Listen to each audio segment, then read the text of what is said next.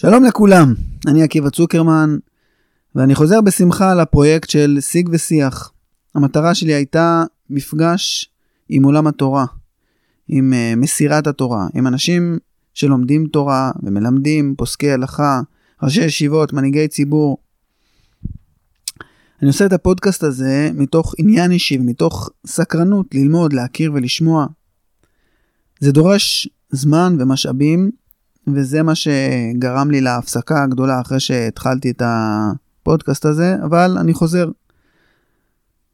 השנה אני לומד בבית מדרש שערי ציון, בית מדרש לרבני ערים ביד הרב ניסים שהקים הרב יצחק בן דוד, ובבית המדרש הזה פגשתי את הרב אברהם ביטון, רב חרדי שלומד איתנו. אה, יחד אנחנו משתפים פעולה ומחדשים את הפודקאסט, שיג ושיח. אני מקווה ששיתוף הפעולה הזה יהיה פורה ויביא עוד זווית שונה משלי מן הסתם לשיחות. את הפרק הראשון עשינו עם הרב שרלו, אדם פורה, כתב הרבה, ספרים ומאמרים, אדם רחב אופקים, אופקים שעוסק בהרבה מאוד תחומים, גם, גם תחומי דת וגם תחומי עשייה. הייתה לנו שיחה מאוד מעניינת, ובקנה יש לנו כבר פרקים חדשים עם עוד אנשים מעניינים, אז יש למה לצפות. בינתיים אתם מוזמנים לכתוב לנו, להציע, לשאול. זהו לבינתיים. אז אנחנו עכשיו עם שיג ושיח, פרק חמישי.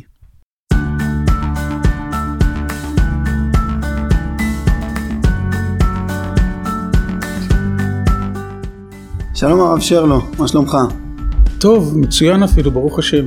יופי, אנחנו שנינו נציג את עצמנו קודם, כי זה פעם ראשונה שאנחנו מחדשים בצורה הזאת את, ה, את הפודקאסט, אני עקיבא צוקרמן. אני אברהם ביטון. אה, שנינו לומדים פה בבית המדרש של יד הרב ניסים. בית מדרש לרבני ערים שנקרא שערי ציון, בראשות הרב יצחק בן דוד, ועוסקים בשאלת הרבנות, במה זה רבנות, מה היא מביאה לעולם, במה היא מתעסקת. וכשאנחנו פונים עם השאלה הזאת אליך, הרב שרלו, זה מקבל כמובן צורה וגוון מסוימים מהביוגרפיה שלך ומהעשייה שלך. אתה עוסק בהרבה מאוד תחומים.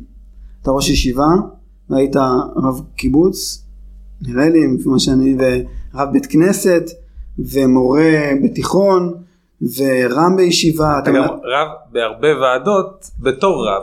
זאת אומרת, במועצת העיתונות, בוועדת סל הבריאות. אה, נעשה סדר, בחלק גדול מהם אני לא, אני יושב שם כמומחה לאתיקה, לא כרב, אבל נדבר על זה, זה חלק מהשאלות שיעסיקו אותנו, אוקיי. אבל אנחנו רוצים להתחיל מהביוגרפיה ואיך בכלל הגעת להיות רב, איפה צמחת ומאיפה הגעת לעולם הזה.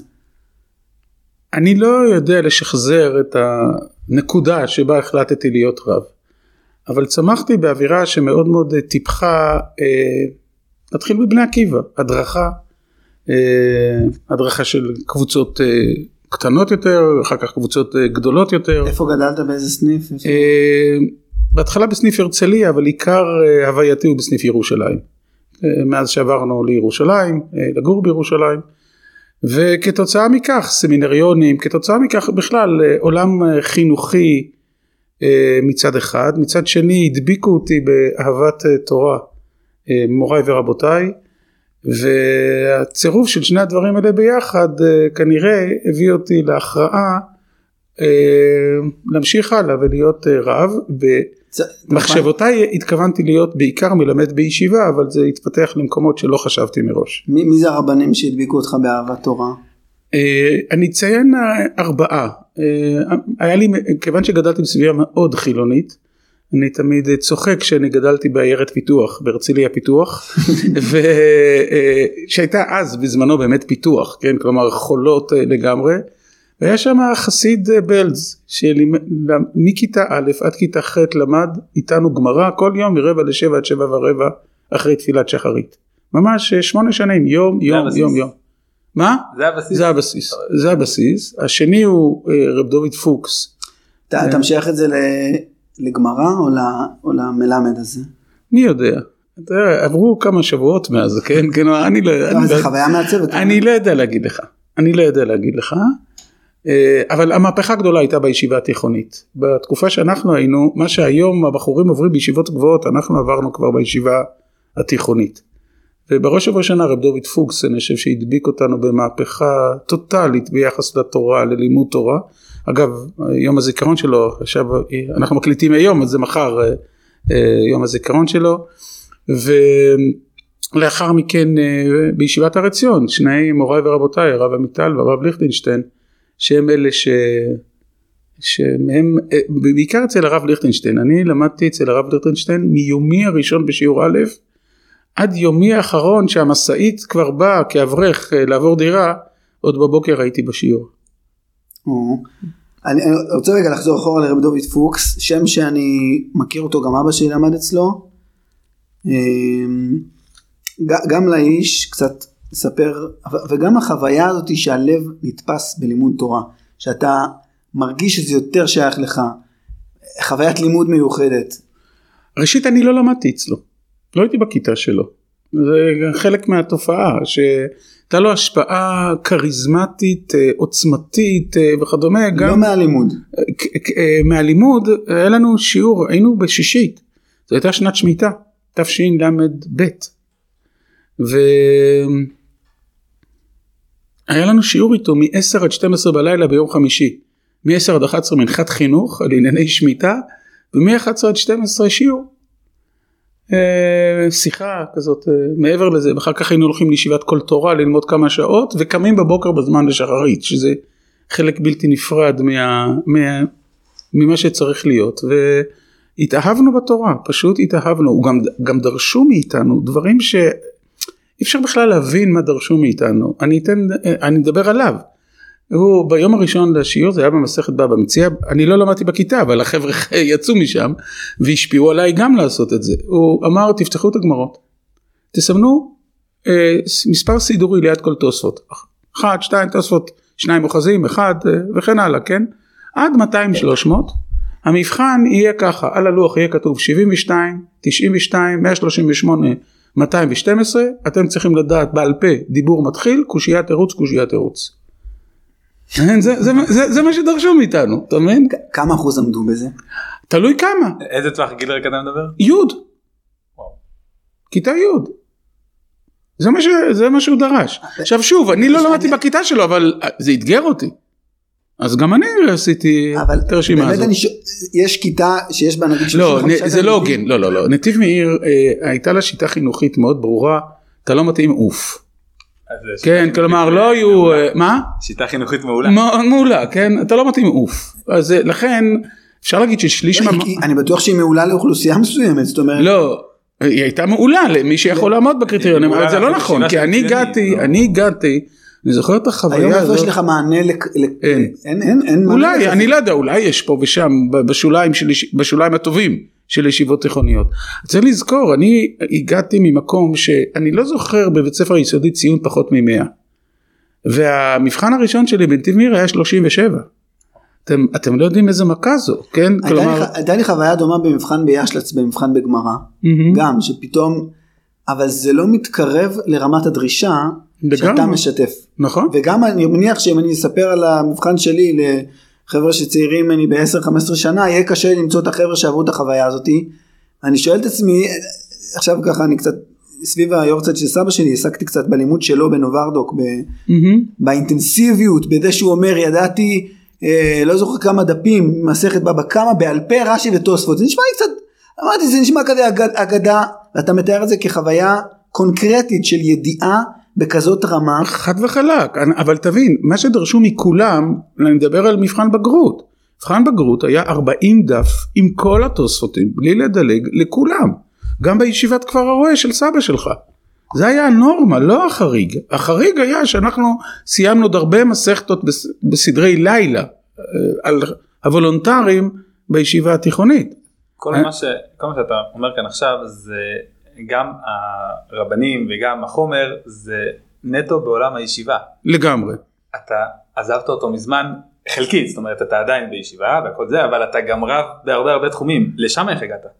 אז אני רק אסיים, אני כל חיי בישיבה, חוץ משלוש שנים שהייתי בטירת צבי, כל חיי בישיבה, זה עולמי, זה אה, מקומי, ועוד דבר שלא כל כך יודעים עליי, אני לא למדתי אפילו יום אחד באקדמיה. אני בור. אין, אין לי שום תואר אתה, אקדמי. אתה בור מתארים, אתה לא בור מה? מ- אתה בור כן, מתארים. כן, לא, אבל אני אתה מתכוון להגיד.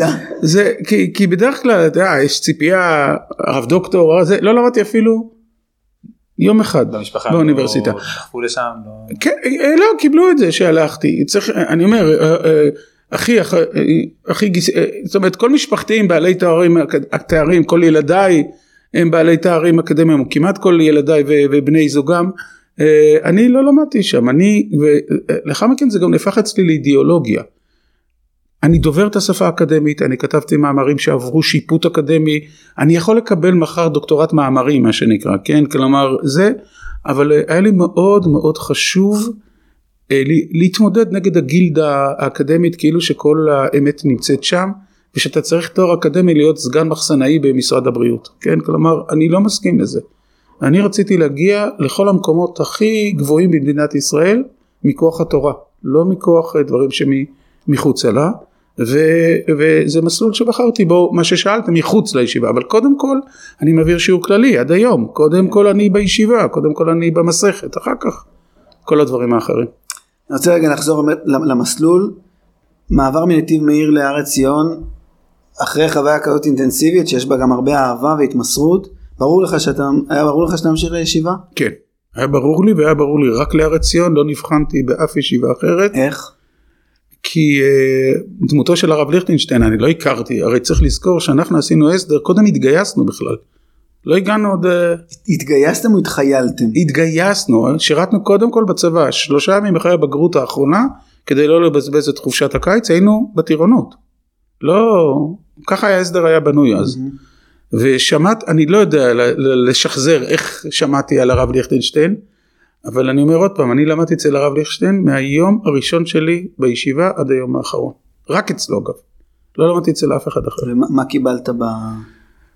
את עולמי. קיבלתי שני דברים, אה, או שלושה אפילו, אוקיי? אחד זה קודם כל אה, לימוד מאוד מאוד מסודר, מאוד שתובעני לשאול מה אתה אומר, מאיפה הלכת, מה אתה בא, מה נקודות ההנחה שלך, מה מאוד לא אה, פלפולי אה, ר- ב- בשיטה הקלאסית, איתה בגמרא כך וכך. אה, זה דבר אחד. דבר שני זה שליטה עצומה, זאת אומרת הוא שלט, אני חותר לשליטה עצומה במקורות השונים. ודבר אה, שלישי זה אה, באמת אה, מתוך התורה עצמה אה, ללכת לכל המקומות האחרים שדיברת עליהם מקודם. ובאיזה שלב ב- ב- ב- בלימודים בארץ ציון מצטיירת לך איזושהי תמונה של המסלול שאתה עושה אחרי הישיבה? ו- ומה- אני לא ידעתי, אני באמת לא ידעתי, אני ידעתי קודם כל שאני רוצה ללמוד הרבה שנים, למדתי הרבה שנים. ההתמחות באתיקה. באיזה לא? לא, זה? בכלל, זה בכלל לא שם, ב- אבל כן ניתן. ספרות כללית, מה היה תחום תחום העניין שלך? גמרא, באמת גמרא ותנ"ך, כן, גמרא, תנ"ך, אה, אה, מי שנטע את, ה, את הנשמה של האתיקה בי זה מוריי ורבותיי בתחום התנ"ך, בעיקר הרב יואל בן נון והרב מדן, שהם נטעו, הנביאים, הנביאים דיברו בי, אבל לא, זה עוד לא היה בתחום המקצועי ובתחום הזה, הנביאים מאוד מאוד דיברו בי. אה, דיברו אליי, שינו אותי, נתנו לי את המשקל המאוד גדול של התחומים המוסריים והחברתיים והאתיים, משם, משם זה, אלה היו הזרעים, אבל מה שאתה שואל בתחום המקצועי וכדומה, אה, או כלפי חוץ, אה, אני לא חושב שבכלל, זה בכלל לא היה, זה גם, זה לא היה בשיח, זה לא היה בשיח, היה להיות איש מוסרי, אבל לא, לא, לא התחומים שאני עוסק בהם היום. ואז באותו שלב איך אתה רואה את עצמך בעתיד, מה אתה חושב? אני לא זוכר, אני מעריך שמאוד, אני חושב שכבר אז מאוד רציתי להיות רם בישיבה גבוהה. אבל זה לא עמד כרגע, זה לא עמד על הפרק. להמשיך באותו כיוון של לימוד, של... אה, להעמיד בלימוד, אינטנסיביות כן, של לימוד. אינטנסיביות של לימוד, חיים של לימוד, ו... אבל בסוף יצאת מהישיבה לא לשם. לא, א' אף אחד לא הציע לי. אה, וב' אה, הלכתי להיות מורה בק- בקיבוץ, בבית ספר, היום קוראים לזה שקד, שדה אליהו, וזה גם הייתה חוויה מאוד מעצבת. ועכשיו עם כל התורה שלמדת, תלמד שמיניסטים, בבא בתרא. חזקת הבתים. עשית להם בשיעור הראשון בכיתה, בטח נכנסת, תמספרו 1, 2, 3, תוספותים. כן. אבל באמת הפער הזה מעולם שהוא באמת ישיבתי, אה, בוא נגיד בישיבות הסדר זה פחות מעיפים מי שלא מתאים, אבל באופן טבעי מי, ש, מי שמגיע זה מי שמאוד מאוד רוצה ללמוד בצורה רצינית. אנשים שרוצים ללמוד אצל הרב ליכטנשטיין מגיעים להר עציון, ובשקט זה כנראה לא ככה. אז, אה, לא, הפער הוא מאוד מאוד גדול, אבל מצד שני, אה, זה הכניס בנו הרב עמיטל. הרב עמיטל הכניס בנו, אתה, אתה צריך להדליק כל יהודי. זאת אומרת, זה אה, כבר מסר אחר לגמרי. כן, לא, כן, אתה צריך להדליק כל יהודי, יש את מה שנקרא הסיפור הידוע שלו על התינוק הבוכה אה, בחוץ, ועכשיו אני יושב עם התלמידים האלה, השאלה שאני שואל את עצמי רק איך אני מזיז אותם, מאיפה שהם נמצאים יותר קדימה. זה, זו השאלה היחידה וזה לא משנה, לא משנה לי הרמה, אגב עד היום. זאת אומרת, תשים אותי עכשיו מלמד אה, תינוקות, אני אלמד תינוקות, כן? אתה, אין לי. בעיה. אתה מוכן לעשות את זה, אבל בסוף אם אני שואל את עצמי איזה רב אתה ומה מה, מהי הרבנות שלך, זה לימוד תורה. לימוד תורה שהתחיל אצל המלמד הזה של בלז. לא, ב- זה היום זה רק חלק. כמו, אתה בעצמך אמרת, זה רק חלק. יש לפחות עוד אה, שני תחומים מאוד אה, נכון, אבל. אבל בעצם ה- ה- הם מסתכל על המסלול הזה של, של הר עציון, כן. ואז אה, אה, הרצון חשבתי שאני שמלמד- אלמד תורה, חשבתי שאני מבחינת- רק אלמד תורה כל החיים. מבחינת המשפחה שלך לדוגמה, זאת אומרת, האם. התייחסו, אתה תהיה רב או... לא, ש- בכלל לא. ההורים שלי, ההורים שלי זיכרונם לברכה, שוב, גדלתי בהרצליה פיתוח, אני אמרתי את זה מקודם, גדלתי, היה לי מנוי לפילהרמ- לפילהרמונית מגיל חמש, שבע, לא יודע, לאופרה מגיל חמש, למדתי מוזיקה, היה לנו בית מאוד מאוד פתוח, מאוד מאוד פתוח, ומאוד מאוד אה, בסביבה חילונית לגמרי, אה, והיית צריך להכריע להיות דתי. והיית צריך אה, ללכת לבני עקיבא זה היה שעה ורבע דרך הבוץ, הייתה ביצה, אה, הבאסה קראו לה, ו- וכדומה, ולנסוע לבית ספר דתי ב- במושבה או בעיר, זה היה שעה, אה, זה היה קילומטר וחצי ללכת לתחנה, ולנסוע באוטובוס, ואחר כך לבית הספר, ואחר כך לחזור, זה לא, מה שעיצב זה העובדה שהיית צריך להכריע שאתה דתי, זה עכשיו- לא היה מובן מאליו. עד, עד עכשיו תיארת חוויה שהיא מובנת מאליה, של התאהבות, של התמסרות, של... אבל תיארתי אותה מכיתה, מזה שמישהו עבד עליה, רב אהרון שרפר המלמד אה, שתיארתי אותו מקודם, ו- ו- והאיש- ונתיב מאיר, נתיב מאיר הייתה מהפך. נתיב מאיר כבר היינו במקום אחר. אז שוב אני חוזר לציר הזה של אה, רב שעוסק בעיקר בלימוד גמרא, המסירה הזאת של התורה שבעל פה, שהוא רוצה להיות עוד חוליה שלומדת ומלמדת. אה, לאן המסלול ימשיך אחרי אה, טירת צבי? ישיבת הגולן, זה גן העדן הגדול, הייתי 12 שנים רם בישיבת הגולן, גן עדן. באמת באמת גן עדן, ושם אה, גם כן בעיקר מלמד תורה. אז אוקיי עכשיו אז אתה אומר שמבחינתך הגן עדן שוב זה מאוד מאוד חוזר לנקודה הזאת של לימוד תורה לימוד גמרא תוספות עד היום, זאת אומרת אם שאל אותי מה אני לוקח לאי בודד, מה שנקרא, תביא איזושהי מסכת. נכון אבל אבל פה אתה אבל אתה אומר זה, זה נפתח מאוד זה נפתח כן. לעוד תחומים באיזה שלב אבל זה נפתח בצורה מאוד עוצמתית אני אומר אני- כ- כ- אני- כ- כלומד את התורה שלך כקורא את המאמרים שלך זה, זה, זה נפתח בצורה מאוד מאוד מגוונת ו- ועוצמתית אז איך זה קורה בוא נשאל את זה גם ככה כן. באיזה שלב בחיים אתה מתחיל להוסיף דברים תורה אני- תורה אני- תורה אני אענה לך. הדבר, אני חושב שהאירוע מאוד מאוד מכונן, אם אני מסתכל עליו היום אה, לאחור, היו שני אירועים מקריים, אבל אירוע אחד מכונן, והוא רצח רבין. אה, מבחינתי רצח רבין הייתה הכרעה שאני לא יכול להרשות לעצמי לשבת אה, רק ללמוד תורה. שצריך לרדת למרכז הארץ תרתי משמע. אה, היית אז בגולן כן, כן. בגן עדן. לפני זה לא היית מביע את דעתך בפורומים אה, נרחבים אה, המאמרים שכתבתי זה היה בעיתון הזרעים של בני עקיבא, בהצופה, אם אתם יודעים מה זה, אני לא יודע באיזה, גיל אתם, אבל בהצופה. שקשורים רצח בעיקר רבין, ללימוד תורה ללימוד תורה כן, ללימוד תורה, ל- ל- לפעמים דת ומדינה, אבל אה, וכדומה, אבל חינוך ולימוד תורה כן, זה שני התחומים שמבחינתך אני חושב, לא אבל מבחינת ההתעניינות האישית שלך גם כן. רק גם כן. ברצח רבין אתה אה, מתחיל להתעניין בתחומי אתיקה לא, לא, לא. לא, לא, אבל לא, אבל לעסוק בהם, לראות שליחות ציבורית בהם, אני כל הזמן מנסה להיות, אה, איש קודם כל לעצמי יותר מוסרי יותר צודק אה, וכדומה אבל זה לא הנושאים שבהם עסקתי. אני עסקתי יותר בענייני תורה וכתבתי ספר על משנת הרב קוק אה, בענייני גאולה תחייה עבודת השם של היחיד הרב סולובייצ'יק אה, שם הייתי. לא ב... ומה מה, מה קרה בעקבות... אה, אז אני אומר רצח רבין היו אירוע אחד זה רצח רבין ושהוא אה, בעצם אמרתי תרתי משמע למרכז הארץ גם גיאוגרפית. אגב היום גיאוגרפית זה פחות חשוב כי הרבה עבודה נעשית ברשת אבל אז לא הייתה רשת כן? וגם אה, מהותית. אני צריך להביא את התורה לעיסוק של מרכז הארץ. אה, במה, כלומר בנושאים שמרכז הארץ עוסק בהם זה דבר אחד. וכמובן בהקשר הזה גם שאלת האתיקה המוסר הרצח כלומר פתאום דברים שאנחנו לומדים בתנ"ך אני לא מדבר רק על רצח גדליה אלא בכלל כל שפיכות הדמים וכל היחס לשפיכות הדמים וכדומה מעוררים זה דבר אחד ושבמרכז הארץ שאלת המוסר של התורה והאתיקה של התורה וכדומה היא קרדינלית כבר הרב קוק כתב את זה בעדר היקר אבל אנחנו רואים את זה עד היום שזה זה מהלך אחד ובאמת שני אירועים מקריים לגמרי שש... מה זה מקריים?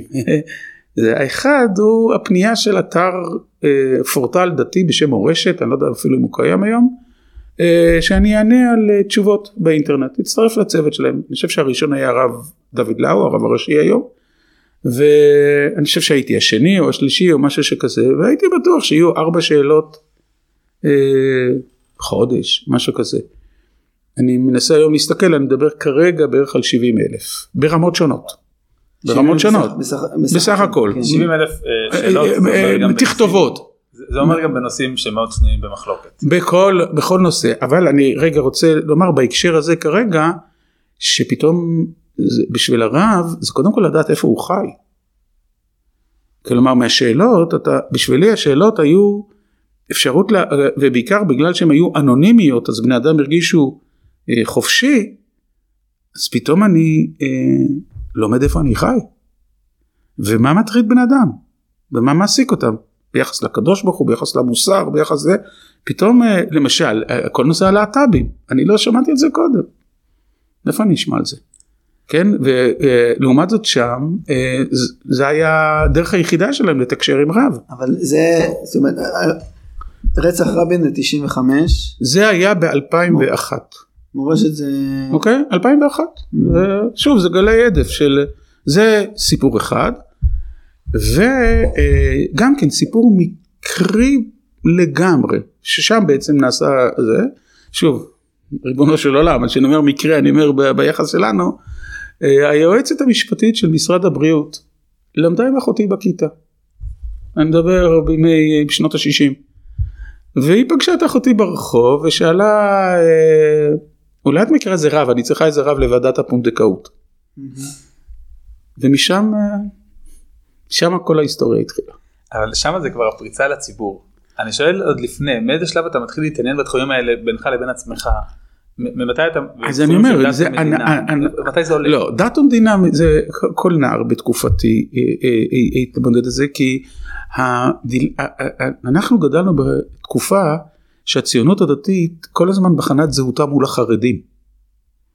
אז זה היה הנושא שביקשו אה, כל הזמן לדבר אנחנו והחרדים שחורים ולבנים קראו לזה קרמבויים כן שחור מבחוץ לבן מבפנים כל מיני דברים שכאלה. היום הציונות הדתית בוחנת את עצמה הרבה מאוד מול החילוניים, כן? כלומר, אבל אנחנו, אז חלק מהנושא הזה של דת ומדינה, אה, זה היה כבר אז, וגם הרב עמיטל עסק בזה, הרב עמיטל היה שר בממשלה בתקופ, בעקבות, בעקבות רצח רצח רבין. כן? אה, וכדומה, כל מיני דברים מעין אלה. אבל לעסוק באתיקה במובן ה... כזה המשפטי, כן? במובן של השאלות, אה, אני, אני אתן לך אה, דוגמה, בסדר? אחד תפקידיי היום הוא, אני יושב ראש המועצה המייעצת של אה, מרכז ההשתלות בישראל. לפעמים צריך לקבל החלטות אד הוק. אני אדגים, בחורה אנורקסית בת 28, אה, התאב, ניסתה להתאבד שמונה פעמים, בפעם התשיעית לקחה קילו כדורים, הרסה לעצמה את הכבד והיא עכשיו במקום הראשון ברשימה להשתלות כבד, אוקיי? עכשיו צריך להחליט לתת לה או לא. כאשר הפסיכיאטר אומר, אני לא יכול להבטיח לכם שמחר היא לא תנסה להתאבד. ואז על חשבון מישהו אחר, אבל היא במקום הראשון.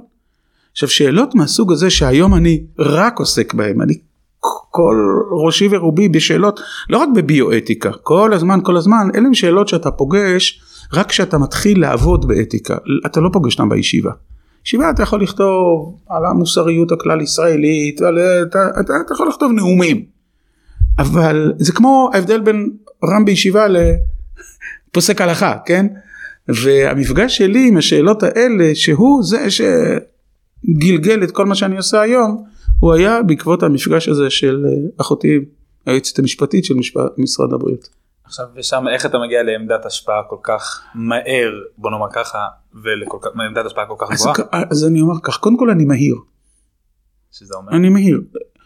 אמ, זה אומר שיש, אני לא, זאת אומרת, אני, אני יכול לתת לכם רשימה ארוכה של מה אני לא. כל החסרונות, אני לא בטוח שזה הדבר אה, ש... זה- על רצפת הפרק. כן, כן, אבל אה, אה, יש לי גם הרבה בעקבות הרב ליכטנשטיין, מחשבה מאוד מסודרת. המרחק שלי בין, אתה שואל אותי שאלה, בין היכולת להוציא תשובה, הוא דקות. הוא דקות, כן, כלומר, שהאצבעות על המקלדת עובדות מהר, האצבעות על אה, גם וגם. יש לי ראשית, באמת, את ה... קיבלתי ממורי ורבי, מרב ליכטנשטיין, את המחשבה המסודרת, לנסות מה הייתה השאלה, מה זה, מה המקורות שאיתם אפשר לעבוד, מה זה וכ- וכדומה, לקרוא טקסט, לנתח מאמר, לסכם אותו, כן, לסכם מאמר, מה היו הנקודות העיקריות בו, דברים שכאלה אני יכול, וב' אתה עלית על נקודה מצחיקה גם כן, אני גדלתי, ב, זאת אומרת, סבתי הייתה יקית. מה סבתא יקית קונה לילד לבר מצווה?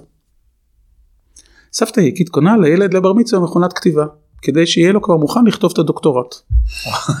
אבל סבתא שלי, היא הייתה אבי אבות היקים, והיא לא רק קנתה לי מכונת זה, אלא היא שלחה אותי לקורס הקלדה עיוורת.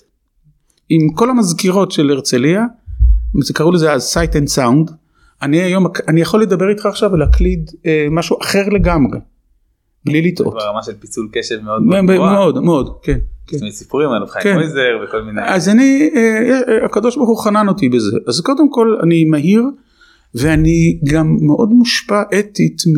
אה, אס- אה, ארור עושה מלאכת השם רמייה.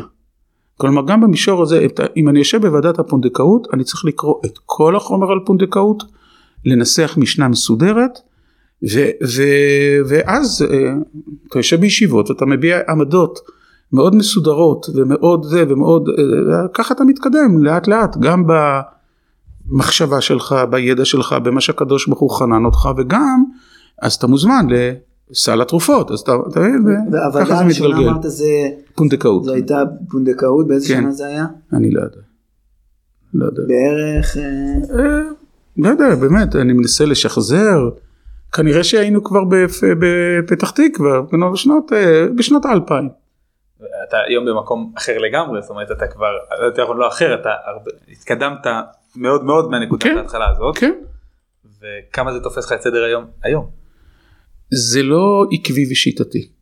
זה לא עקבי ושיטתי. לא, בוא, בוא נסכם ככה. אני, מבחינת ההגדרות שלי, חצי בישיבה וחצי במה שנקרא צוהר לאתיקה. עוד אוקיי? דקה נדבר על אה, צוהר. כן, לא, אבל צוהר לאתיקה, שזה אה, ענף בצוהר, ואני מקדיש אה, חצי מזמני לעניינים אתיים. למין, אה, מה עשיתי הבוקר למשל? הבוקר אה, אני כותב כרגע, אנחנו עוד לא יודעים אם זה יהיה מסמך, נייר עמדה, חוברת וכדומה, על אתיקה של שידוכים. כן, כלומר מה צריך לגלות, מה לא צריך לגלות, מה מותר להסתיר, מה אסור להסתיר, יש תשובות בהלכה, אבל יש, יש מה- בעיות מה- יותר מסובכות. בשאלות כאלה, אתה מנסח את זה בצורה של, תחת הכותרת של אתיקה. כן. מה ההבדל בין הפוסקים שעוסקים בזה ונותנים תשובות הלכתיות, לבין התשובות שלך כ...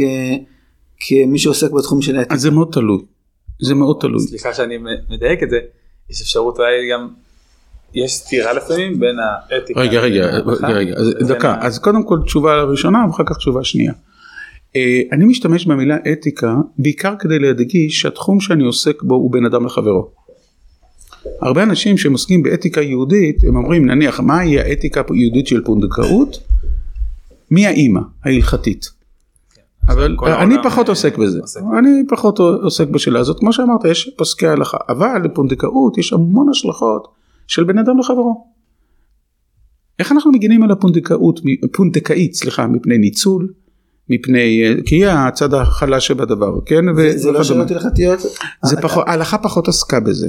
ההלכה פחות עסקה בזה. עכשיו האמת היא שאני יכול לכתוב את זה בסגנון של תשובה הלכתית, אבל פנה אל הציבור הכללי.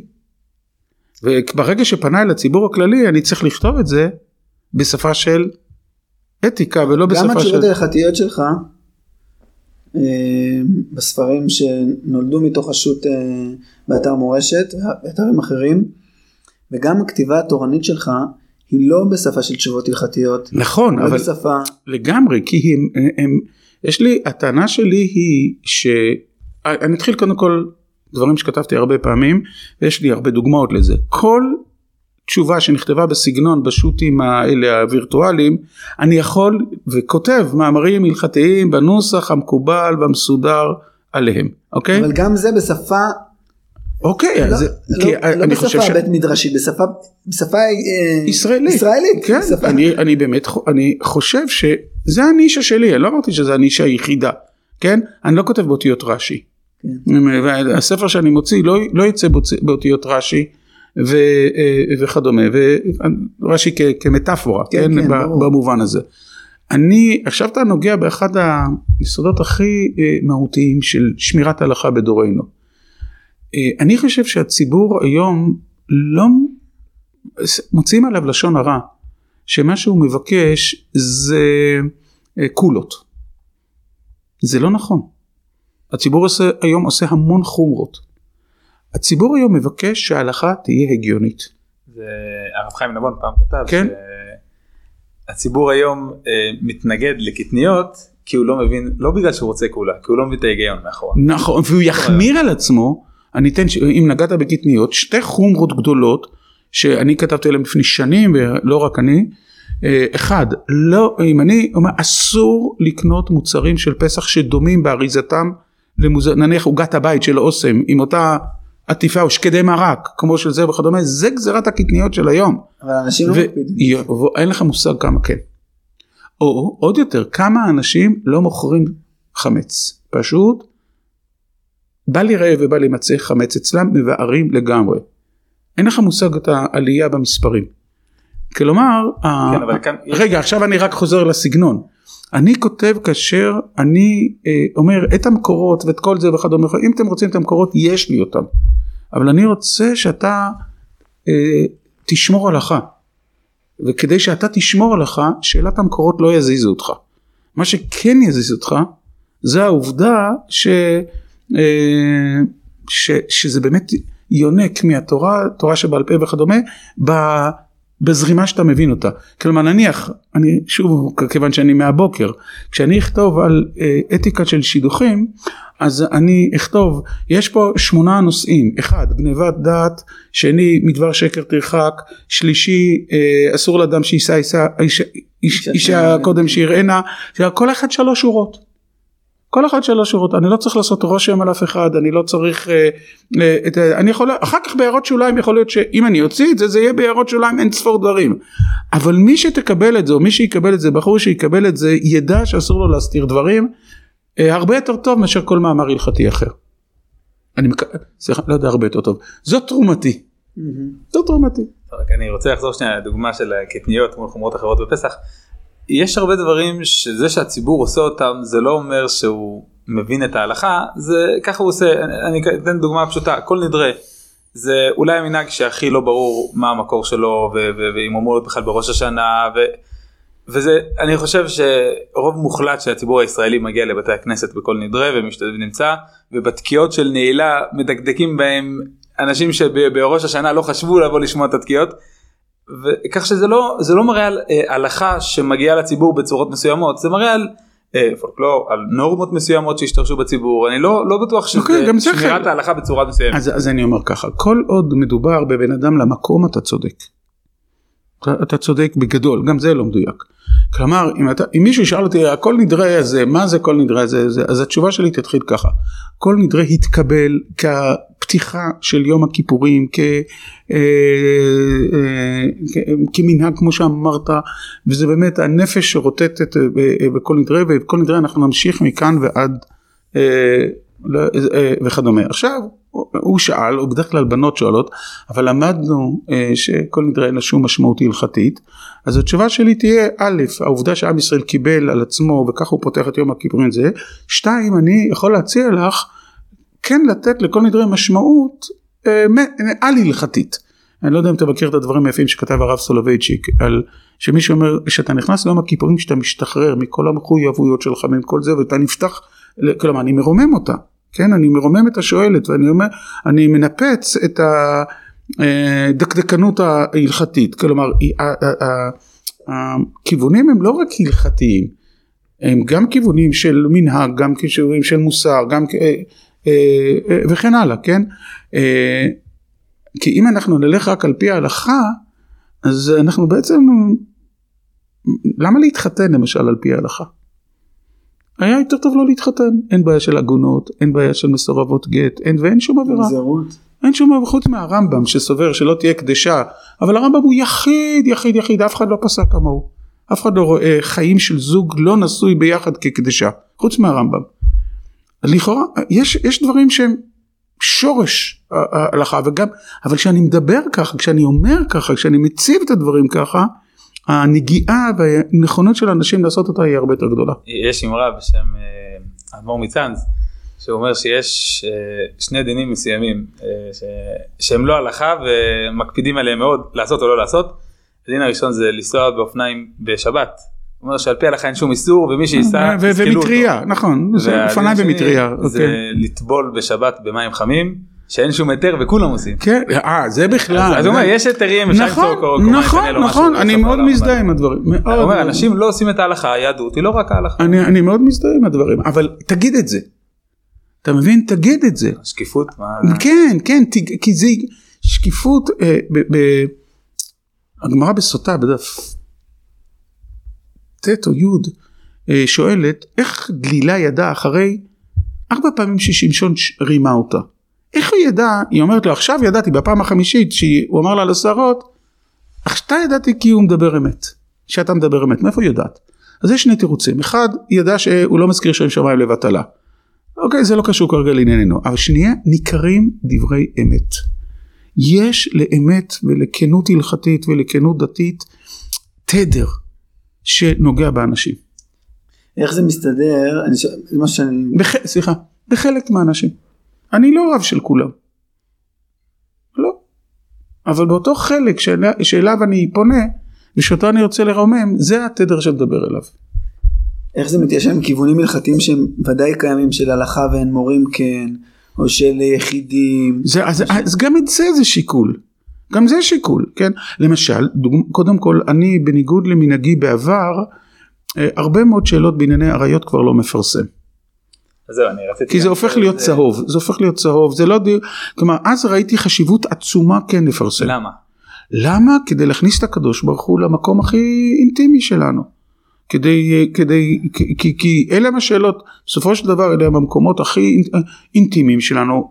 התנ"ך הכניס, הגמרא הכניסה, אה, אה, זה, ופתאום נעשינו פוריטנים נוצריים שלא, שלא מכניסים את הקדוש ברוך הוא למיניות, שלא מכניסים את הקדוש ברוך הוא לארוטיקה. השאלה היא אם לפרסם את זה באינטרנט, או מה שנקרא בציבור החרדי, שאחד הדברים, אני בעצם מגיע מהציבור החרדי, עקיבא מהציבור הדתי-לאומי, ואנחנו מנסים אה, לבחון גם דברים מעבר.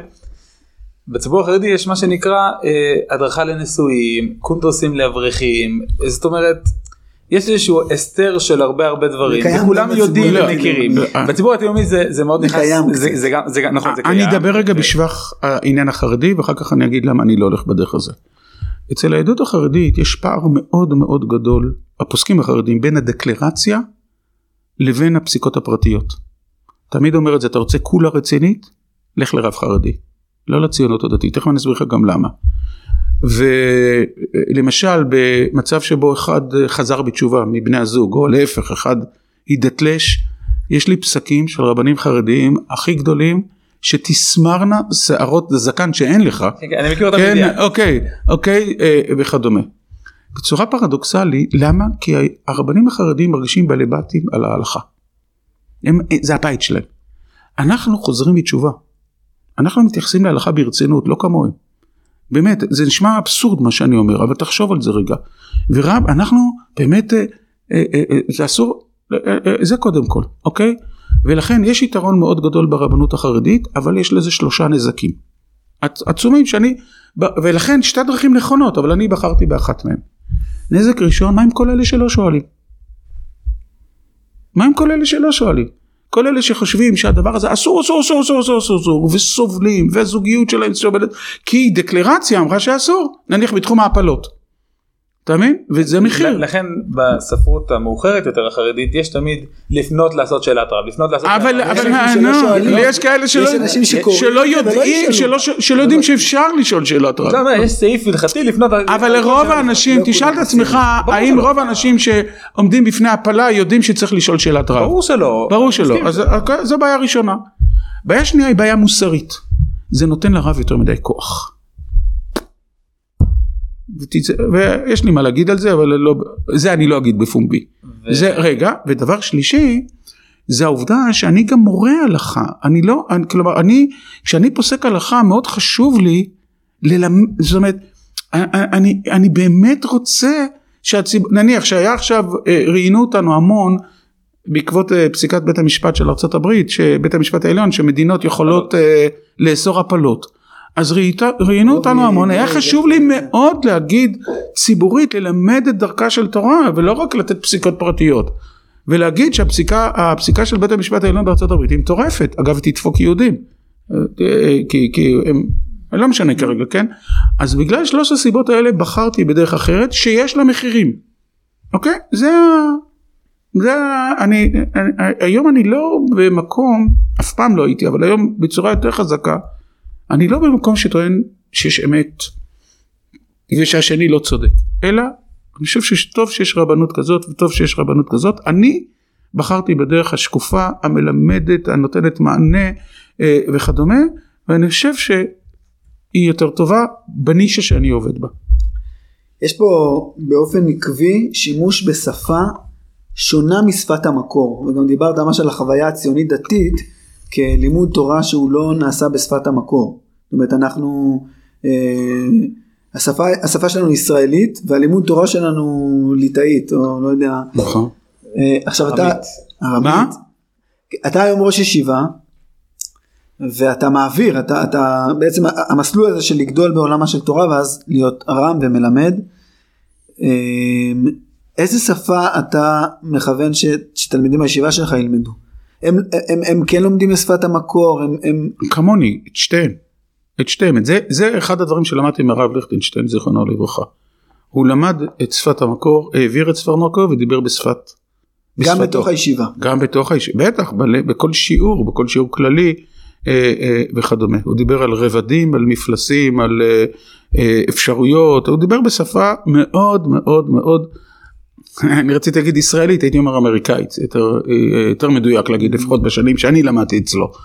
ובדיוק את זה מה שאני רוצה, אני רוצה שהם יהיו המשך אה, ל- למסורת התורה, ואני רוצה שהם יבינו שהשפה הליטאית, זאת אומרת בדיוק כמו שהליטאים דיברו בשפה הליטאית כי הם חיו בליטא, אני מדבר בשפה הישראלית כי אני חי בישראל, כן? כלומר אני, אני הכי ליטאי שיש, כן? כן, אבל- והיצמדות לש, לשפה הליטאית לדעתי היא גורמת לצביעות בלימוד תורה, לצביעות בלימוד תורה, לשימוש בחפצה גברא, אה, אתה יודע, בצורה אוטומטית שכל דבר אה, נפתר על ידי חפצה וגברא, היא לא, היא לא נותנת, היא, קודם כל היא, היא לא התורה שלנו, היא לא המפגש שלנו עם התורה, והיא גם גורמת נזקים אחרים, כי היא, היא הופכת את התורה למאוד מלאכותית, מאוד מאוד מלאכותית ולא מח... אה, זה אה, נכון חיה בתוכנו, אבל, במקרה כזה. כן, בהנחה שדוגמה, נעבור שנייה לציבור החרדי, שאתה מגדל אנשים לדבר בשפה הזאת, כן, זה השפת האם שלהם. הם- נכון. זה לא מלאכותי כבר. נכון, אבל אצלנו כן. אני לא אומר את זה, אין לי בעיה שהביהדות החרדית ממשיכים ככה, ואגב, אני מעריך וצופה שגם ביהדות החרדית יש, כבר אני רואה. שבר גדול מאוד, אני מתחיל בעולם הלמדני, לא מדבר כרגע על החרדים החדשים וכל הדברים האלה, בעולם הלמדני, איך אני יודע את זה? כי כמות החרדים, תלמידי החכמים שנכנסים לאתרים הציוניים דתיים הלמדניים, אני מתכוון שנכנסים לאתרים של הרב שגר, של הרב ויצמן, שלי, כל אחד עם, עם דרכנו, אני מדבר בתחום הלימודי אה, וכדומה, היא ככה עולה. היא עולה כי הם, הם שומעים שם משהו רענן. אני חושב שיש בזה גם מימד של חיסרון. דווקא אני אקח את הדוגמה שלקחת על חפצה וגברא. הילד שלי בן שלוש, הוא לא יודע, הוא משתמש בזכר בנקבה באופן אינטואיטיבי. למרות שהוא לא יודע להסביר שלזכר צריך להגיד אתה, ולנקבה צריך להגיד את. Mm-hmm. והוא משתמש ביחיד ורבים באופן אינטואיטיבי, והוא משתמש ביצורים בפה באופן אינטואיטיבי, בלי להסביר למה. כי הוא דובר את השפה. Mm-hmm. וכשלמדן שגדל בבית מדרש אומר חפצה וגברא או מושגים אחרים בלי שהוא יודע לצאת החוצה מתוך השפה ולהסביר אותם יש לזה יתרון על פני מי ש... רגע מה, מה, מה אמרת חפצה גברא מה זה אני לא ואז אתה צריך בעצם לשקף את המושג ולהסביר הרווחת משהו והפסדת משהו. נכון. אז, אז אתה מכיר משהו שלא הרווחת? לא? נכון אבל אתה, אתה מציג את זה כצביעות כלימוד שהוא מנותק אני חושב שדווקא יכול להיות. בשפה אני- החיצונית יש איזשהו חיסרון שאתה נכון. אתה לא אתה לא משתמש בו באופן אינטואיטיבי צריך להפעיל את השכל ולחשוב כמו שאני מדבר אנגלית אני צריך לחשוב איזה מילה אני צריך להגיד עכשיו אלא- ולמה אלא אם כן אתה מתחיל לדבר בשפה אובייקטיבי וסובייקטיבי. סתם, זה לא בדיוק אתה אתה. הופך לילדים. אתה מבין? אלא אם כן, ואז אתה חי בתורה בשפה שלך. אתה מבין? אתה... כן, כלומר, השאלה היא מה שלב התרגום שיש לפני שאתה... בדיוק, בדיוק. עכשיו, כדי להיות מתרגם טוב, אתה קודם כל צריך להיות בשפה הקדומה. אני דובר את השפה הקדומה גם באופן אישי וגם בישיבה, קודם כל. בשיטה שלך כמה התחנכו ללמוד לדעת את השפה הקדומה. אז אה, אה, אותו דבר, אני מנסה להנחיל את מה שאני קיבלתי מרב ליכטנשטיין ונראה. עוד- אה, זה ממש מתחבר לוועדת הלסינקי אתה כבר אה, ניסיון בבני אדם כבר ממש. כן, אה, כן. עוד, עוד משהו שקשור לשפה גם המ- המגוון של התחומים זאת אומרת תיארת חוויה שלמדת אצל הרב יואל בן נון ואחרים אה, איך, איך אמרת את זה? נביאי השם דיברו בי. ככה זה ממש רוח שמפעמת בתוכך אבל זה בלי שפה ש, ש, שנוגעת באמת בתחומים אחרים. זאת אומרת זה בשפה של פרשנות תנ"ך אולי שפה יצירתית מאוד ונועזת ורעננה וחדשה אבל עדיין מאוד בתוך בית המדרש ויש בה משהו פשוט יחסית.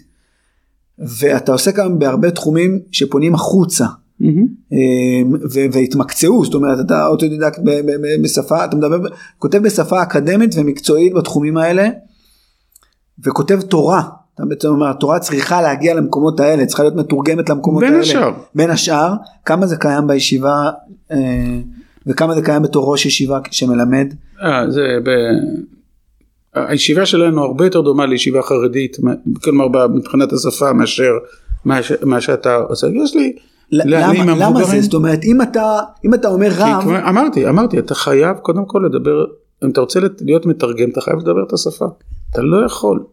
ואם הם יתחילו, קונסרבטיביות מבחינתי, אני מדבר כת, לא כתנועה פוליטית, אני מדבר כתנועה, זה, היא ויתור על השפה, ה- על ההמשכיות, על השפה, ואני לא שמה. אני מדבר את השפה הזאת, אני מלמד אה, פני יהושע. אני, אני בישיבה מלמד מהר"ם מהרש"א, למרות שבציונות הדתית כבר אה, בישיבות לא מלמדים מהר"ם מהרש"א, כן? אני אגב חושב המון על מה שאתם אה, מדברים עליו, כי אנחנו עכשיו נמצאים באמת יום אחרי פטירת רב מרדכי שטרנברג, זכר צדיק לברכה, שהלך הכי רחוק שאפשר בשפה פנימית. לא דיבר מילה בשפה חיצונית, כן? ו- ואימץ את השיטה שאתם מדברים בשמה, על יתרונותיה ועל אה, חסרונותיה. בוא נדבר שנייה על צהר. כן. מה הקשר שלך איך זה מתחיל מה אתה עושה שם מאז ההתחלה ועד היום. זה? אה, אה, יש תקופות. צוהר התחיל בעקבות רצח רבין. למעשה, אם לא אמ- רק. אמרת קודם אה, על מהפך שעברת וזה, כן. זה, והמח, דיברת על מחשבות מאוד אה, פנימיות בתוכך שצריך כן. לרדת, זה, הכוונה בין השאר לצוהר? לגמרי, לא אני יזמתי את זה, רוב אה, מקימי צוהר הם בוגרי ישיבת מרכז הרב. ואיך אה, אתה, היינו חברים, לא יודע, נפגשנו בני עקיבא, סמינריונים, לא... מי? תס- ת- מי? האנשים? כן? אה, הרב דוד סתיו, הרב רפי פורשטיין, הרב צחי למן, הרב מיכה לוי ואני. שהם כולם ממרכז ואתה כן. מהר עציון. כן. ו- אבל הכרת אותם מכל מיני מקומות. את הרב מיכה לא הכרתי. משום מה כולם אבל בכיוון אה, מסוים ממרכז. הם, אה, כן, הם, הם, הם ספגו מכות במרכז, לא, לא, לא, לא צריך, אה, אה, המטרה הראשונית הייתה בכלל, הייתה איזו תחושה שש"ס וסגנונה משתלט על היהדות, ורצינו בעצם להקים צוות תגובות. רצינו להקים צוות תגובות אה, ציוני דתי רבני, וכינסנו 60-70 רבנים בקיבוץ עין צורים. אה, הרב רפי פורשטיין היה זה רב הקיבוץ, וכדי בוא נקים זה, ולא קיבלנו מנדט לזה. הוביל את ההתנגדות לזה הרב בלומצוויג, ואמר אני לא יכול לתת לכם מנדט לדבר בשמי. לא יודע מה אתם חושבים, לא יודע מה אני חושב, לא, לא דנו. רציתם פשוט ארגון רבנים. כן, לא, איר- לא מיזם שבנה כלפי... לגמרי. פשוט להתאגד יחד. לגמרי, לגמרי ולהיות דוברים. אה, ואז אה, עלה רעיון, לא יודע על ידי מי, אוקיי בוא נשנה בכלל כיוון. ונשאל את עצמנו איפה מוקד החיכוך הכי גדול בין דתיים לחילונים ונהיה בו. וזה היה חתונות אז. גם בגלל שהיו המון שחיתויות ורבנים שעשו שתי חתונות ומעטפות מתחת לשולחן וכל מיני דברים שכאלה. ושוב גם שם חשבנו שיהיו ארבע חתונות בחודש. הבאז היה תוך חודש, היינו בראש כל מהדורות הטלוויזיה, לא היו אז הרבה ערוצים, כל מהדורות החדשות, כל מה שרק יכול להיות, זה נגענו איכשהו בנקודה מאוד מאוד מאוד אה, אה, אה, כואבת בצ- דבר בעיתו מה טוב. והיום אנחנו בערך עורכים שליש מהחתונות של חילוניים בארץ, כלומר צריך להבין את, ה, את המספרים, כמות הרבנים, ו- ו- זה, וזה מאוד מאוד התנפח. אז אומצנו על ידי קרן אביחי, בעיקר זלמן ברסטיין זכר צדיק לברכה, שלימד אותנו, שהם לימדו, שהכריחו אותנו להתנהל לא כמו בשטייטל. באמת? לא תקציב, רבעון, מנכ"ל, אה, ממש זה דוח, נשמע חברת סטארט-אפ. לגמרי. אני אגיד לך, גם לגמרי. בצעד הראשון, שהם מקימים איזשהו מיזם, ואז אה, הוא לא מצליח. לגמרי. לגמרי, והם הכרי- הם הכריחו אותנו, תעשו מה שאתם רוצים, אבל אנחנו נגיד לכם איך. כלומר, לא, אפילו לא, באיזה תנאים לעמוד. ממש חינכו אותנו כרבנים, אני, זה נשמע מוזר מאוד, אני מודה להם, באמת מודה להם, הם מכל ליבי, על, אה, על אה, רב זלמן ברשטיין וארתור פרידמן שנפטר לפני כמה ימים, לפני כמה שבועות. אה, שני בני אדם שחינכו אותנו. שאם אתה רוצה לעשות משהו, לחולל משהו, זה לא רק התכנים שלך, כי אני בוגר 200 יוזמות רבניות לאין ספור נושאים שהיו זה, כולם קרסו. כולם קרסו, בעצם לא תמצא יוזמה רבנית פועלת היום במדינת ישראל כמעט, אולי קצת מכון התורה והארץ, סליחה, יש, יש אבל מכוני מחקר יש, ו- מה? כן, יש, יש כל מיני... לא הרבה. הרבה מאוד דברים נפלו, והרבה, או שהצטמצמו לתוך, אתה יודע, ב, אה, אה, וכדומה. יש גם מכונים של בן אדם אחד שעם כמה זה. זה נכון, אוקיי, זה משהו אחר, אני מדבר מכונים כרגע. מחקר דתי, אני מתכוון על אה, דת ומדינה דברים כאלה. כן, אה, אוקיי, כתר, יש, אוקיי, אבל, אבל, הם, אבל צוהר זה סדר גודל לגמרי אחר, וצוהר עוסקת היום באין ספור נושאים, באמת באין ספור נושאים, בראש ובראשונה הזהות היהודית של בר מצווה, של חתונות, של אה, אה, הדרכות קלות, אה, שאלת הקבורה, אנחנו כרגע אה, בתוכה, ועוד דברים שכאלה, קודם כל בנושאים האלה, את צוהר מהווה כתובת לענייני דת ומדינה לאין ספור זה, ואני בנישה אחת בצ- בצוהר שעוסקת באתיקה, וגם שם היא היקף ענק של פעילות. אה, אני חסר, חסר כישורי, בין החסרונות, חסר כישורי ניהול במובן המזעזע של המילה, ומי שבעצם ממנכ"ל את זה זה הרב אורי גנזל מרבבה, שהוא בלעדיו שום דבר לא מי יזם. היזם של ה... של הצוהר לאתיקה אני. אני. ואתה... אני, אני איש הרוח, אבל רוח לא שווה הרבה. עיקר העבודה זה פרסומים. לא.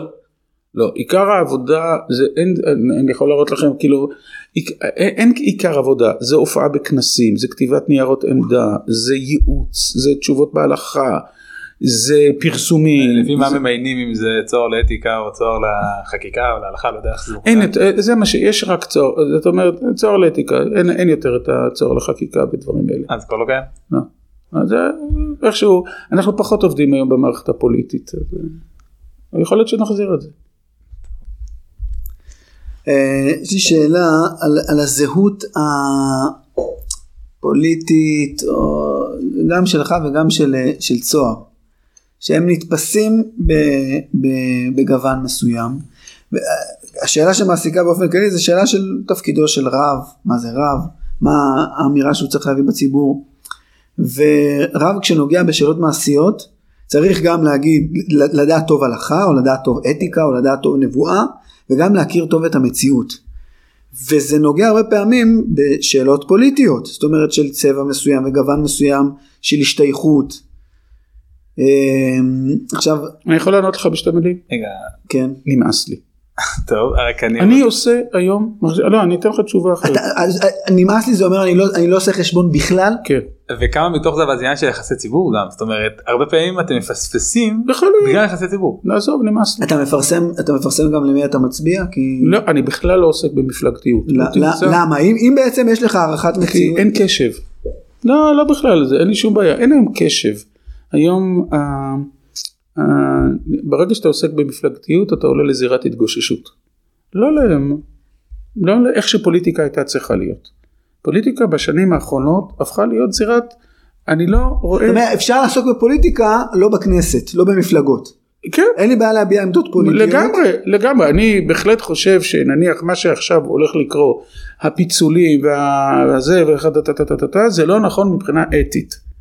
היתרון שלי שכתבתי את זה לפני 20 שנה, לפני 10 שנים, עכשיו, אין לזה שום קשר למפלגתיות. זה, זה, זה אחד הדברים שלמדתי, הוא שיש שאלה עקרונית, תכתוב עליה כשאין. אה, שאין, אין, אין מחלוקת קונקרטית. אין מחלוקת קונקרטית. כן, אני נניח על סעיף הנכד כתבתי לפני ש... שנים. תקיש שר לו סעיף הנכד, תראה שאני בעד שינוי סעיף הנכד בלי, עוד לפני ש... עכשיו, מה? להחזיר את זה עכשיו, זה, זה, זה אני לא מחזיר, מעמיד אותך במקום מסוים, שיעמיד, גם אם אתה לא תחזיר, מישהו יחזיר את זה, אז אני, אין לי בעיה, זה מעמיד אותך במקום מסוים, נכון, ואז גם אתה מאבד השפעה על רבדים מסוימים, נכון, וגם אתה לא, אתה לא מגיב על זה, זאת אומרת שואלים אותך מה דעתך, שואלים מגיב, מאז ומתמיד. אז שוב אתה מוצא את עצמך בנקודה מפלגתית. לא, אני מגיב רק למי ששואל שהוא בא בתהליך של בירור גם אם הוא תוקף, אבל שמטרתו היא להקשיב. ומטרתו שלי להקשיב לא.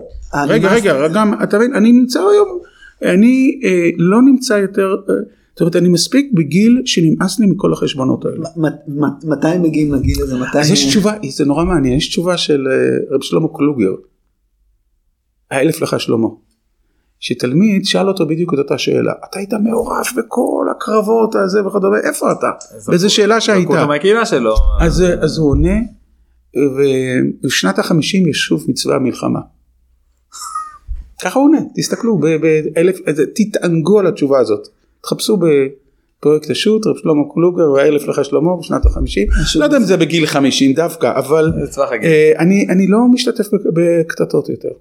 לא משתתף שם, אני אומר את עמדתי. אבל שצוהר עומד בקטטה, אני שנייה אחת אסביר מה אני מתכוון. אני, הפעם הראשונה ששמעתי על צוהר בחיים שלי, זה היה בבחירות לרבנות הראשית שהרב סתיו התמודד, ואז פשוט שמעתי צד אחד כמובן, והתחושה שלי שהצד השני לא נלחם על עצמו, זאת אומרת הוא לא, הוא לא ניסה להביע את דעתו בציבור החרדי בצורה טובה, והוא גם לא ניסה בציבור הכללי בצורה טובה. זאת אומרת, היה, היה אה, תעודה סביב אה, אה, הרב סתיו וסביב ארגון צוהר אבל לא ברמה משמעותית ובצד השני היה כוחות אה, פי מאה יותר חזקים פי אלף ואיפשהו מאז אין יחסי ציבור נורמליים. אני, אני מציע לך לבדוק את ההנחה שלך. אני מציע לך זה עניין של תחושה. לא לא אני אומר תבדק אנחנו עושים מדי פעם מדי כמה שנים פונים לחברה שאין לנו נגיעה בה ומבקשים ממנה לחקור שתי שאלות מרכזיות, א', כמה בציבור יודעים מה זה צוהר? ציבור הרחב, וב', אם זה שייך אצלם לפוזיטיבי או לנגטיבי. אני יכול להגיד שכל פעם שמגיע סקר כזה אני מאושר. כן אבל אבל שוב מה קורה כשזה מגיע בהתנגשות לרבנות הראשית שמי שנמצא היום זאת אומרת לא למוסד הרבנות אלא לרבנות הראשית. אבל אני חושב שזה טרגדיה אני אני באמת חושב שזה טרגדיה שהרבנות הראשית רואה אותנו כיריב.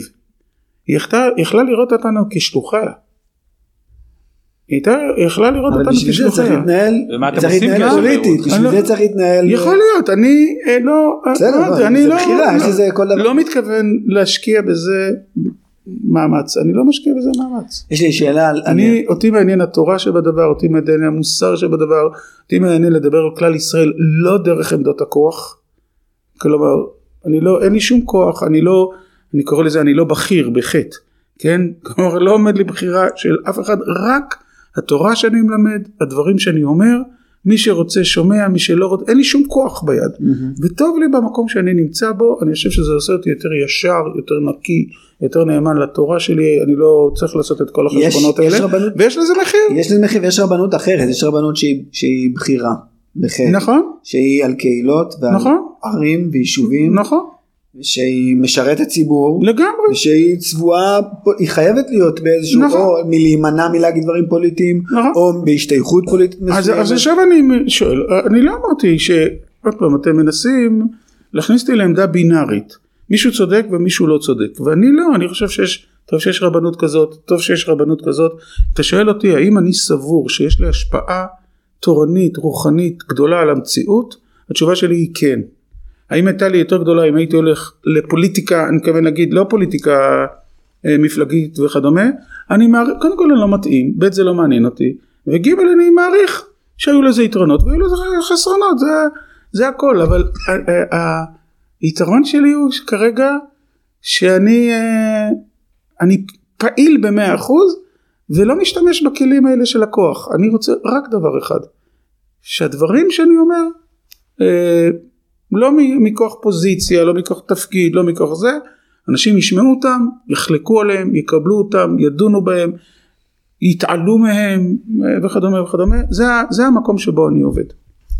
אם אני מתחיל להתכנס לסיכום, אז uh, השאלה שאנחנו מנסים לענות עליה זה מה זה רב, ולא שאלנו אותה בצורה ישירה, אבל מהשיחה, אני חושב שהתשובה שלך הייתה משהו בכיוון שאדם שמביא את דבר השם ואת ההלכה ואת המוסר לשפה של הציבור ולמרחבים, לשפה לא רק במובן של המילים שה, שאנשים דוברים, אלא מרחבים שאנשים חיים בהם, כולל, זאת אומרת, מחוץ לבית המדרש, מבית המדרש החוצה לח, לחברה הישראלית או היהודית, אה, לכל מקום ש, שמקיימים בהם חיים. אז אני רוצה לדייק אותך, כל מה שאמרת נכון, אבל זה לא התשובה לשאלה. כלומר, מה זה רב? יש אה, טיפוסים שונים. צריך לזכור, אני לא רב קהילה קיימת. אני לא צריך להיות בבר מצווה, אני לא צריך להיות בהלוויה, אתה מבין מה אני מתכוון? כלומר, לרב בקהילתו יש תפקידים, להשכין שלום בית, ל... אה, אה, אין... לכן התשובה למה הוא- מהי רב, היא, היא לא יכולה להיות. מהו רב, באיזה קונטקסט. אתה יכול לשאול מהו רב קהילה, אתה יכול לשאול מהו רב עיר, אתה יכול לשאול מהו רב שעיקר פעילתו באינטרנט, אתה יכול לשאול מה זה רב ראש ישיבה, אתה יכול, אתה מבין? והתשובות הן לא זהות. כן, אז לכן התשובה שנתת היא מסכמת טוב, אבל היא הרב שנמצא בנישה שאני בחרתי להיות בתוכה, זה לא תשובה אוניברסלית לשאלה מהו רב. כן, לא, בסדר, מבחינתך, לא, לא מבחינתך כתפיסה שככה צריך להיות כל רב, אלא כן. שזה זה, זה המקום שאני נמצא בו כרגע. בה. אה, הצגת עכשיו את עצמך כרב מתוך כלל רבנים בנושאים שונים ובתחומים שונים ואני אה, איכשהו הגעתי לשם בעקבות אירועים ובעקבות התחושות והרגשות וידע ואינטליגנציה מסוימת. רק אני רוצה לשאול איך היחס שלך לא רק ל... זאת אומרת דיברנו קודם על רבנים אה, חרדים על רבנים אה, רבני קהילות רבני ערים. איך היחס שלך לזרמים דתיים לא אורתודוקסים בעצם כי היה את הפולמוס עם אה, היחס לרפורמים ואיפה אתה רואה אותם בעולם ההלכתי בעולם הרבני את הרפורמים אני לא רואה. בכלל בעולם. אז כי זה תנועה לא הלכתית. בדיוק, כי אה, זה לא רק תנועה לא הלכתית, זו תנועה שעמדתה היא שההלכה היא מקור השראה ולא מקור סמכות. זאת אומרת, יש לי השראה, יש לי חדר ואני בוחר את מה שאני רוצה. זה לפי הגדרות שלהם, לא לפי שאני מוציא עליהם לשון הרע. אז מבחינתי הם לא על, הש... הם לא על המגרש. קהל היעד שלך זה רק אנשים שהם אורתודוקסים, דתיים, לא, מה פתאום? אז מי עוד? 100% של עם ישראל מינוס הרפורמים. הרפורמים זה שני אחוז ורבע. כן, אבל מה. ישראלים ש... מה? ישראלים רוב הישראלים- ישראלים שאינם שומרי שבת. היהדות שלהם היא אורתודוקסית. והם לא אוכלים כש- כשר, אה, אבל ההלכה היא השראה בשבילם. אבל זאת אומרת, הם בית באים הכנסת- לעשות בר מצווה רגע. בשביל... בית הכנסת, איך אמר אלי אמיר, בית הכנסת שאני לא הולך אליו הוא אורתודוקסי. אבל מה ההבדל בין זה לבין איך שהגדרת את זה נכון. כי אני לא עומד, פה אני עומד מול אנשים שהם לא בעמדה דתית אחרת. הם אומרים, העמדה הדתית, רוב מוחלט של עם ישראל, אומר העמדה הדתית היא ההלכתית האורתודוקסית, אני לא שם. כן, כלומר, לא אני יובל שרלו, אני, אני מדבר רוב מוחלט, איתם אני מדבר. אגב, אני גם מדבר עם הרפורמים, אבל אני אומר, הם לא נמצאים אצלי על השולחן כפרטנרים לדיון הלכתי. קודם כל, לא, לא לדיון הלכתי, אבל. להשפעה. אז- ל- אז זה ל- סתם, כן. להשראה, אם נגיד שהם רוצים לקבל ממך השראה והרצאות. ו- הם מקבלים, כן. הם מקבלים, לא ממני, גם, לא אז ישיר. אז מה, מה לא? לא, לא, לא. שאם אה, יהיה עכשיו איזשהו, אה, אם נניח הוזמן לדיון על מה ההלכה צריכה להיות בפונדקאות, אם רב רפורמי, רב קונסרבטיבי ורב, אני, אני לא אהיה שם. אבל אתה יושב בוועדות שההחלטות לא מתקבלות רק על פי ההלכה. זה בטח, אבל עוד פעם, יש הבדל, זה כמו שהגמרא אומרת במסכת שבת, שמישהו שאתה בורח ממנו, האם להיכנס לבית המינים או לבית עבודה זרה? ואני אכנס לבית עבודה זרה, לא לבית המינים, כי אה, אה, עבודה זרה אני לא נמצא איתה על אותו, על אותו מישור. לעומת זאת, מי שבא ומציג אלטרנטיבה למה שאני, זה עיתון. אני... אוקיי, צריך לנסח את זה לא, אחרת. לא, אני, אני מציע, אני מציע תפיסה אחרת כן. בעיניי, אני אולי לא אוקיי. מספיק מכיר, אבל אני חושב ש... שהתנועה הרפורמית היא לא זרם דתי, היא זרם יהודי, שמנסה לייצר ליהודים קשר של השראה עם ההלכה, אתה אני מדבר על חוץ לארץ. אה, אה, אה, אה, זה זה הדבר. אני עם הרפורמים בחוץ לארץ סובר שיש קשר שצריך להיות. קשר אינטנסיבי. זה כתבתי את זה שוב. היתרון, ש- אני אומר שוב, היתרון בדרך שאני זה- הולך בה, זה- כתבתי את זה זה לפני עקבי, 10 כן. שנים, לפני 20 הבנתי. שנה, לפני 30 אז- שנה. וכדומה. אתה מבין? אני מדבר כרגע על אה, הרפורמים בארץ, אוקיי? עכשיו והקונסרבטיבים בארץ. קונסרבטיבים זה והם סיפור. עוסקים הרבה בנושאים שאתה עושה. לגמרי, לגמרי, לגמרי, הקונסרבטיבים הם אתגר אה, יותר משמעותי. ואיך היחס לאתגר הזה? אז היחס לאתגר הזה הוא שאני לא קונסרבטיבי. אה, למשל אחד המאפיינים של כתיבה קונסרבטיבית היא שהם פוסקים המון בעזרת הגמרות הכלליות. כבוד הבריות, דרכי הדרכי נועם וכל מיני דברים שכאלה. זה. רבנים מסוימים בתנועה הקונסרבטיבית. לא, נכון, לא, אבל בגדול זה, זה, שפה קונסרבטיבית בגדול. אני כמעט לא הולך לשם. אני, אה, הטענה, אני לא תמצא את זה, אני חושב, שוב, אה, אפשר לחקור את זה, זה לא בעיה, כי אני מפרסם. אם תיכנס, שר לו, עת לעשות לשם הפרו תורתך, לא יודע אם תמצא פעם אחת בחיים שהשתמשתי בזה. אתה מבין? או שר לו דרכי דרכי דרכי נועם בכל נתיבותיה, אני לא חושב שאני השתמשתי בדיוק היום בזה. מישהו אמר לנו על אה, עת לעשות להשם לא רק להפר גם לפעמים גם לקיים את התורה. כן, בדיוק, אני, אני שם, אני שם, שעת לעשות להשם, כן, וכדומה. כבוד הבריות זה קצת משהו אחר, כי זה נכנס באמת למסגרת הלכתית ספציפית, אבל גם כן לא יעלה לי על הדעת, כמו שכתיבה קונסרבטיבית תגיד, שנשים תעלנה לתורה בבית הכנסת, כי אם לא אז הן נפגעות ואז זה פוגע בכבוד הבריות. זה שפה שאני לא מוכן אבל לדבר אתה- בה. אתה- זה לא שאתה מתווכח עם הטיעון, אתה לא- לא לא מוכן לדבר את השפה. בדיוק, בדיוק, אני, זה, אני מדבר בשפה הלכתית, אוקיי? ולכן, אה, ו, ולכן יש, אבל אין ספק שהקונסרבטיבים, יש, יש אתגר, זאת אומרת, אה, לבדל את עצמך מן הקונסרבטיבים זה גם משמעות, חוץ מזה שבאמת הגבול לפעמים פסיקה, קח את החזון איש. שכתב, שיש כאן חזון איש כולם מכירים כי הקונסרבטיבים כל הזמן מפרסמים אותו על אה, מורידין ולא מעלין אתה מכיר את זה? בעבותות של אהבה. בדיוק, זה, זה פסקה קונסרבטיבית, אתה מבין, אה, אה, אה, נכון? כלומר מבחינה, מבחינת מה שהוא כותב, הוא אומר בעצם אין הלכה כזאת מורידים ולא מעלין, יש, מעל, יש הלכה להחזיר בתשובה, בדור מסוים זה היה מורידים ולא מעלין, והיום זה בסמינריונים, נכון? זה מה שהוא כותב, עכשיו זה, אז לכן אמרתי, אז אתה יכול למצוא בתוך הקשת, וכאן בכוונה הלכתי לחזון איש, ולא לחינם הקונסרבטיבים כל הזמן מצטטים את החזון איש הזה, כלומר הגבולות הם יותר מטושטשים, זה מה שאני רוצה לומר. הגבולות הם יותר מטושטשים. באופן אינטואיטיבי אתה לפעמים משתן משתמש בשפה הזאת, סביר להניח. בדיוק, אבל, אבל, אבל, אבל להפוך אותה כבר לשפה ב- אבל זה לא המרכזית. השפה המרכזית. אני רק אגיד שגם בתנועה הקונסרבטיבית יש היום חלוקה בין אה, מתונים לרדיקלים ששם המתונים הם יותר בשפה ההלכתית האורתודוקסית. סביר להניח. ושם לדוגמה הם יעלו נשים לתורה ממקורות הלכתיים אורתודוקסיים. אוקיי, אוקיי. ו- אוקיי, זה- ויש איזשהו רצף. אה, אתה צודק, אתה צודק, אני רק, אה, אבל בכל זאת אנחנו תמיד את ה... כלומר שאנחנו מתבקשים להכליל אז אנחנו מכלילים.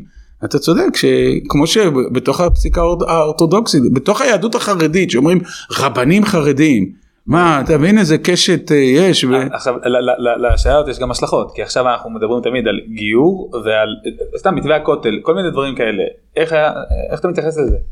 זאת אומרת אני נגד אני נגד לגיור ומתווה רפורמים, הכותל זה לא צווי ש- דינים לגמרי כן, לגמרי לגמרי. ברור, ברור, רק אני שואל כן. בכללי, אני נגד רפורמים או נגד התפיסה שלהם ולכן אני גם לא אתן להם דריסת רגל בכותל או מה אני, הולך? קודם כל, אני, אה, התפיסה שלי, אני לא בעל הבית, בניגוד, אני, שוב, על הכותל, לא על הגיור כן, אבל על על אני לא בעל הבית על הכותל, הכותל הוא של כלל ישראל, ולא רק זה, אני רוצה שכלל ישראל יבוא לשם.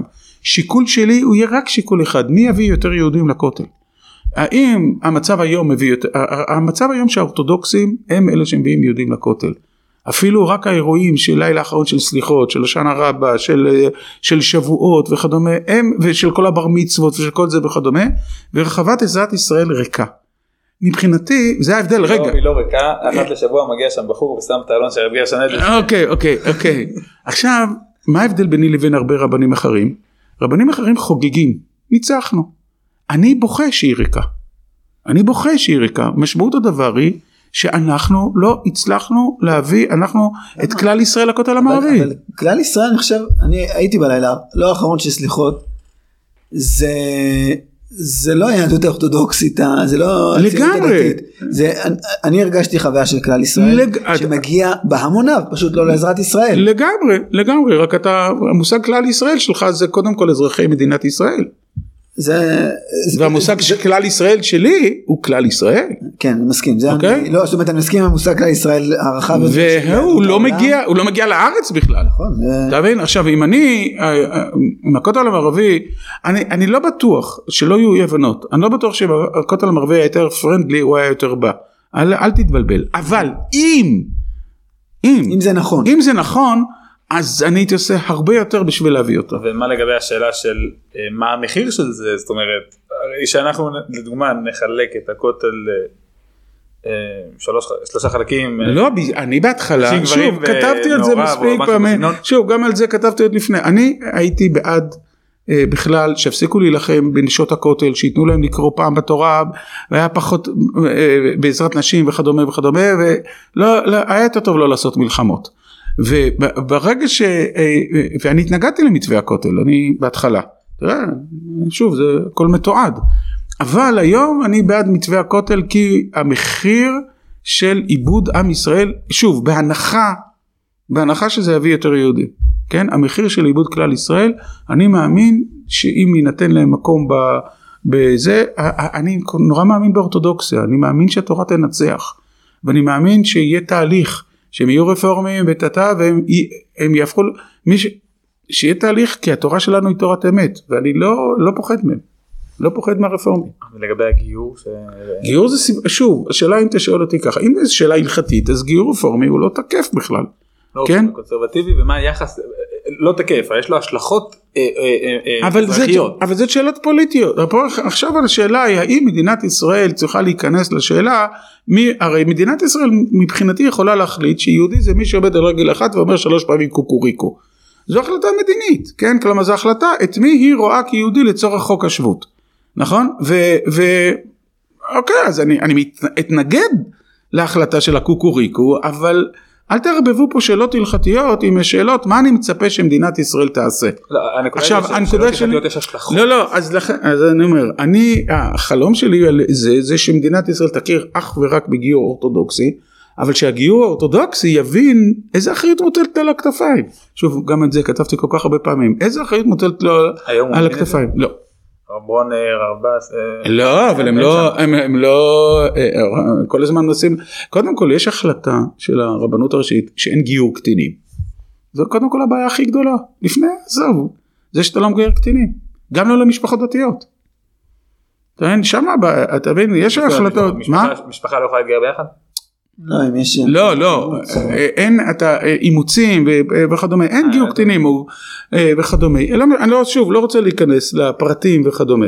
אני חושב שהאורתודוקסיה לא מבינה את גודל, הרבנות לא מבינה את גודל האחריות שמוטלת עליה, כי אה, יש אלטרנטיבה. האלטרנטיבה היא במקום להיות יהודי, להיות ישראלי. ולהיטמע ולהתבולל וכדומה וכדומה וכדומה, היא לא מבינה את גודל האחריות שיש לה. ולכן אני בעד באופן מוחלט גיור אורתודוקסי, רק אורתודוקסי, אבל שאורתודוקסיה תיקח אחריות. טוב, אה, הרב שלום, מה אתה רוצה לעשות שתהיה גדול? אה, א', אני באמת לא יודע, אבל אני, אני אומר משהו ככה, אני מעריך שאני אפרוש מהישיבה במלוא כוחי. אני מעריך, אני חושב שככה צריך להיות. וזה באמת אחד הדברים היפהפיים שקורים בציונות הדתית, שראשי ישיבה לא בלח"י, משורה ישחרר רק כמה ותראה את אבא שלך, ותראה את, אה, אה, את הרב בלומצוויג ואת הרב אה, עמיטל בזמנו, ואת, מה? ישיבת עתניאל, הבן כן, וישיבת עתניאל וכדומה, אני חושב שלא טוב שראשי ישיבה פורשים אחרי, אחרי, כלומר בחולשתם. אגב, זה, זה נקודה שראיתי גם אה, באחד הכנסים של הרב רצון הרוסי על אה, המשפט העברי, היה דיון על האם יהיה הליך פרישה לרב רשמי, זאת אומרת. גיל 70, 75, כן. ונעמד רב אה, חרדי והביא מקורות וחילק לכולם בהתחלה דפים וזה, כן. שאי אפשר להפריש רב וכל זה. כן. והרב שמואל דוד נעמד ואמר מה זאת אומרת אתה מתבגר תפרוש ותיתן לאחרים צעירים לעשות את העבודה. זה עוד שיקול, אגב זה עוד שיקול. לא, אבל, אבל, אבל גם היה, שמתי, ישר היה ניגוד בין החרדי כן כן כן לחילוני. יש. לא זה גם אה, ירושה של רבנות יש הבדל וכדומה. אני קצת מצטער על זה אבל אני לא נתתי לבן שלי דריסת רגל בישיבה. בן אחר. הוא היה רם סדר ערב הכי טוב שאני יכול למצוא. הכי טוב. ולא נתתי לו. אוקיי? זה כואב לי. אני היום הייתי עושה אחרת. אוקיי? ואז שתפרוש מה תעשה? אני לא, זה נראה לי- מה? אכניס נימה קצת אחרת. יש לך תוכניות לאיזה נושאים שלא עסקת בהם שנמצאים לא, לך בקנה? המחשבות שלי היא על אה, תורה ברשת. יש באג בתורה, יש המון תורה ברשת, המון המון המון תורה. הרבה ממנה היא היא לא באמת ברשת, זאת אומרת, כן, בדיוק. היא נמצאת. ברשת, בדיוק, היא עולה, בדיוק, נגיד בדיוק. ישיבות התחילו לעלות לא- פודקאסטים, בדיוק, אז זה לא בדיוק. פודקאסטים, בדיוק. לקחו את השיעורים ושמו בשרתים של בדיוק, ה... בדיוק, אבל בעיקר היא חד כיוונית. היא, כן, כלומר, ואם מישהו שמע שיעור ויש לו שאלות והערות או תקיפות או דברים שכאלה, לא נוצר בית מדרש ברשת. מה שנוצר בפייסבוק נניח, שוב, בפייסבוקים ב- ב- וכדומה, לא נוצר בית מדרש ברשת אה, מ- מסביב לתורה. ואני, אם אני שואל מה הייתי רוצה לעשות, הייתי רוצה להקים בית מדרש ברשת אה, מסביב לתורה, אה, אבל אני לא יודע איך לעשות את זה קודם כל. אין לי, אין לי, אה, איך קוראים לזה, הגדרת אתר, אה, כאילו, אין לי, אה, ת- אה, אפיון, אין לי אפיון. זה הייתי רוצה ש... אה, אני רק יודע שאני יוצא תורה הרבה יותר דיאלוגית ברשת. זה, זה חלומי, זה חזוני. אני רואה שאני מעלה, אה, אני מעלה פוסט תורני, לא, לא, אני מאוד לא נמצא ברשת, אני, יש לי לך דף פייסבוק. דף פייסבוק, פעיל. אבל פעיל במינימום, כן, באמת, פעם בכמה זמן אני מעלה אה, מכתב שקיבלתי, או- שוט, שאלות. או שוט, או משהו שכזה, אבל אני, כשאני רואה מה יכול להיווצר מהדיון סביבו, אה, אנחנו מחמיצים משהו. זה תחום עניין שאתה אומר, אני, זה אני שומר ל... הילדים יודעים, החלום הגדול שלי הוא להיות נהג משאית. להיות נהג משאית מאילת למעלה גמלה, משאיות טוף האלה, לקחת? טרמפיסטים ולדבר איתם. טוב, מה הרעיון כאילו? לא יודע, לא יודע, זה חלום ילדות אה, שלי, אבל זה כנראה לא בגלגול הזה. טוב, בהצלחה רבה בחלומות שלך כן. ובעשייה שלך. תודה רבה שהיית איתנו. תודה ש... אה, איך להגיד, עוררתם דברים, כן, כלומר הקול שלה שלכם גורמת גם לי לחשוב, לא, אני לא בעל תשובה, אני בעל שאלה. תודה רבה. טוב, תודה, להתראות.